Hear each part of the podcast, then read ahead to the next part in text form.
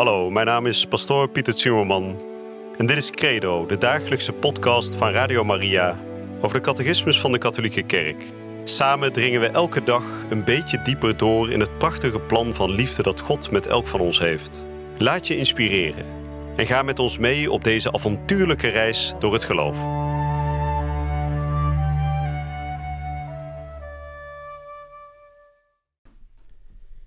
Vrienden, welkom terug bij een nieuwe uitzending van Credo. Credo waarin we de afgelopen dagen het mysterie van de zonde hebben bekeken. De zondeval van Adam en Eva.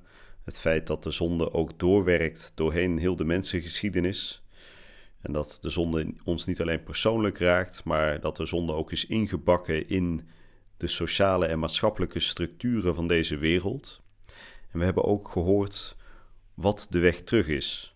We hebben gehoord in de vorige uitzending over de nieuwe Adam en de nieuwe Eva, die datgene wat in Genesis al werd aangekondigd in het eerste Bijbelboek, namelijk dat er op een gegeven moment een vrouw zou komen die de kop van de slang zou bedreigen, dat die vrouw uiteindelijk inderdaad in Maria, in de nieuwe Eva, zichtbaar wordt. En Maria is natuurlijk degene die Jezus Christus baart, die degene is die God zelf onder ons aanwezig laat komen als mens, als vlees geworden woord. En deze Christus is degene die ons uiteindelijk die oorspronkelijke staat van genade, van heiligheid, van volmaakt geluk teruggeeft. Nou, we zijn in de catechismus weer gekomen aan het einde van een hoofdstuk. Dat betekent dat we weer een korte samenvatting zullen horen. U weet dat heet In het Kort. Als u met mij mee wil lezen, kan dat. Het zijn vandaag de nummers 413 tot en met 421. En daarin zullen we alles wat we de afgelopen dagen hebben gehoord nog even één keer kort samenvatten, zodat al deze kennis ook echt zal landen en mag gaan groeien in ons leven. Maar voordat we dat zullen gaan doen, zal ik eerst weer openen met een kort gebed. In de naam van de Vader en de Zoon en de Heilige Geest. Amen. Vader in de hemel, wij horen bij de kerkvaders dat de moeder van uw zoon, Maria, wordt genoemd de nieuwe Eva. Zij is de eerste die volledig zonder zonde was. De smet van de erfzonde heeft in haar geen wortel geschoten. We willen bidden dat we in dit leven mogen groeien in verbondenheid met die hemelse moeder Maria. Dat we veel tot haar mogen bidden dagelijks. Dat we met de woorden van het wees gegroet steeds meer ons met haar verbinden en steeds meer op haar gaan lijken. Zij die uw zoon zo welkom heten op deze wereld. Heer God, leer ons op voorspraak van Maria hoe wij ook in ons eigen leven Jezus welkom mogen heten, hem mogen omarmen en hem de grootste persoon in ons leven mogen laten zijn. Amen. En ik lees voor. In het kort. De dood is door God niet gemaakt en hij vindt geen vreugde in de ondergang van hen die leven. Maar door de afgunst van de duivel is de dood in de wereld gekomen. Satan of de duivel en de andere demonen zijn engelen die gevallen zijn, omdat zij uit vrije wil geweigerd hebben God en zijn helsplan te dienen. Hun keuze tegen God is definitief. Zij proberen de mens deelgenoot te maken van hun opstand tegen God. Hoewel door God geplaatst in een staat van heiligheid, heeft de mens, verleid door de boze, reeds vanaf het begin van de geschiedenis zijn vrijheid misbruikt door op te staan tegen God en door zijn doel buiten God om te willen bereiken. Door zijn zonde heeft Adam als eerste mens de oorspronkelijke heiligheid en gerechtigheid verloren, die hij niet alleen voor zichzelf, maar voor alle mensen van God ontvangen had. Adam en Eva hebben de door de eerste zonde gewonden en dus van haar oorspronkelijke heiligheid en gerechtigheid beroofde menselijke natuur op hun nakomelingen overgedragen. Dit beroofd zijn wordt erfzonde genoemd. Ten gevolge van de erfzonde is de menselijke natuur in haar krachten verzwakt, onderworpen aan de onwetendheid, aan het lijden en aan de overheersing door de dood. En geneigd en geneigd tot zonde, een neiging die concupiscentie genoemd wordt. Wij houden derhalve met het concilie van Trente dat de erfzonde tegelijk met de menselijke natuur wordt overgedragen door voortplanting en niet door nabootsing, en dat zij zo eigen is aan ieder. De door Christus behaalde overwinning op de zonde heeft ons een groter goed gegeven dan datgene wat de zonde ons had ontnomen. Daar waar de zonde heeft gewoekerd, werd de genade mateloos. Volgens het geloof van de christenen is de wereld geschapen en wordt zij in stand gehouden door de liefde van de Schepper. Zij gaat weliswaar gebukt onder de slavernij van de zonde. Maar door het kruis en de verrijzenis van Christus is de macht van de boze gebroken en is de wereld bevrijd. Nou, dat was het laatste stukje uit de catechismus voor vandaag. En we hebben even een korte samenvatting gehoord.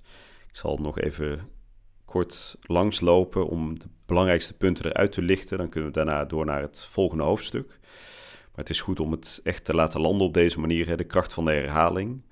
U denkt misschien, ja, ik hoor wel vaak hetzelfde. Nou ja, de catechismus doet dat heel bewust. Hè. Het wordt van alle kanten belicht om te zorgen dat op het moment dat deze kennis gehoord wordt, dat deze kennis ook echt landt in ons hart en daar ook echt mag gaan vrucht dragen, mag gaan groeien. Dus daarom nog even een herhaling van wat we net hebben gehoord. God heeft de dood nooit gewild. Daar begint het mee. dus op het moment dat de dood in de wereld komt, is dat niet iets wat voortkomt uit de wil van God, maar iets wat voortkomt uit de wil van de engel, de engelen. We hebben gehoord van die eerste grote engel Satan, die ontrouw wordt, die in opstand komt tegen God en die een hele horde van demonen meetrekt naar beneden toe, die met hem samen in opstand komen. Dus op het moment dat wij in Genesis lezen over Adam en Eva in de paradijstuin, die het volmaakte geluk hebben, die daar in volmaakte harmonie en heiligheid leven, dan zien we dat de zonde dus al een feit is. Want op het moment dat die val van de Satan op dat moment nog niet had plaatsgevonden, had hij natuurlijk ook niet als slang in dat paradijs aanwezig kunnen zijn. Dus de val, de zondeval van Satan, is de eerste zonde die er ooit bedreven is. En we hebben natuurlijk gehoord, voor engelen is dat eenmalig en voor altijd. Voor mensen is het zo dat ze tijdens hun leven kunnen zondigen, maar ook zich kunnen bekeren. En die bekering is voor engelen niet meer mogelijk, want voor hun is de keuze eenmaal gesteld.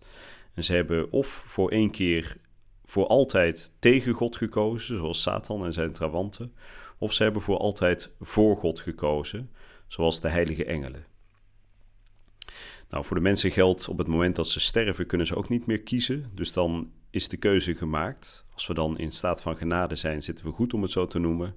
Als we dan God hebben afgewezen, niet. Als we dan nog even kijken naar Adam en Eva, die dus uiteindelijk zich laten verleiden door die slang, door de Satan, om zelf ook in opstand te komen tegen God. hun natuur, hun menselijke natuur is daardoor gekwetst geraakt, gewond geraakt. En de mens zal tot de laatste dag van de schepping geneigd blijven tot de zonde. En dat noemen we dus met dat moeilijke woord concupiscentie. Het woord hoeft u niet per se te onthouden, maar goed, het is wel het woord wat daarvoor wordt gebruikt al eeuwenlang, dus het is ook wel weer goed om het te weten.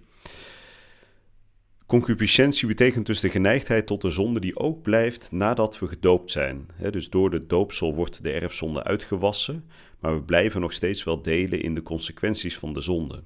Het enige verschil is dat we door het doopsel de mogelijkheid hebben om die zonde te overwinnen.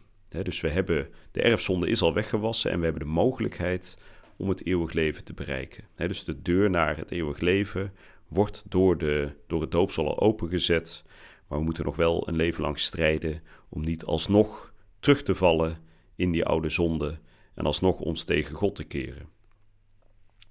Nou, er is gesproken over het concilie van Trente dat duidelijk aangeeft dat de erfzonde, wat dus iets anders is dan de zonde van daad, hè, de zonde van daad wil zeggen mijn persoonlijke uh, zonde die ik zelf doe. Nee, de erfzonde is iets wat ons wordt gegeven al bij de conceptie. dus op het moment dat wij tot het bestaan komen, op dat moment erven we al die zonde van onze voorouders. Dus die zit als het ware in dat menselijke leven, in dat menselijke wezen ingebakken. Maar we weten, Christus is naar de aarde gekomen om door zijn kruisdood en verrijzenis die zonde te overwinnen. Hè, om de dood te doden, zoals in de paasnacht ook zo mooi wordt gezegd. En op het moment dat wij die verlossing aannemen, hè, want we zijn niet automatisch verlost, hè, het is niet zo dat wij uh, puur door het simpele feit dat Christus is gekruisigd voor ons meteen delen in die genade. Nee, we moeten daarin willen delen. En daarom moeten we ook eerst gedoopt worden. Nou, tot slot hebben we net gehoord dat het eeuwig leven dat God ons teruggeeft, hè, nadat we zijn opgestaan na die val van de erfzonde, dat, die, dat dat leven zelfs nog groter is dan het oorspronkelijke leven dat Adam en Eva hadden voor de zondeval.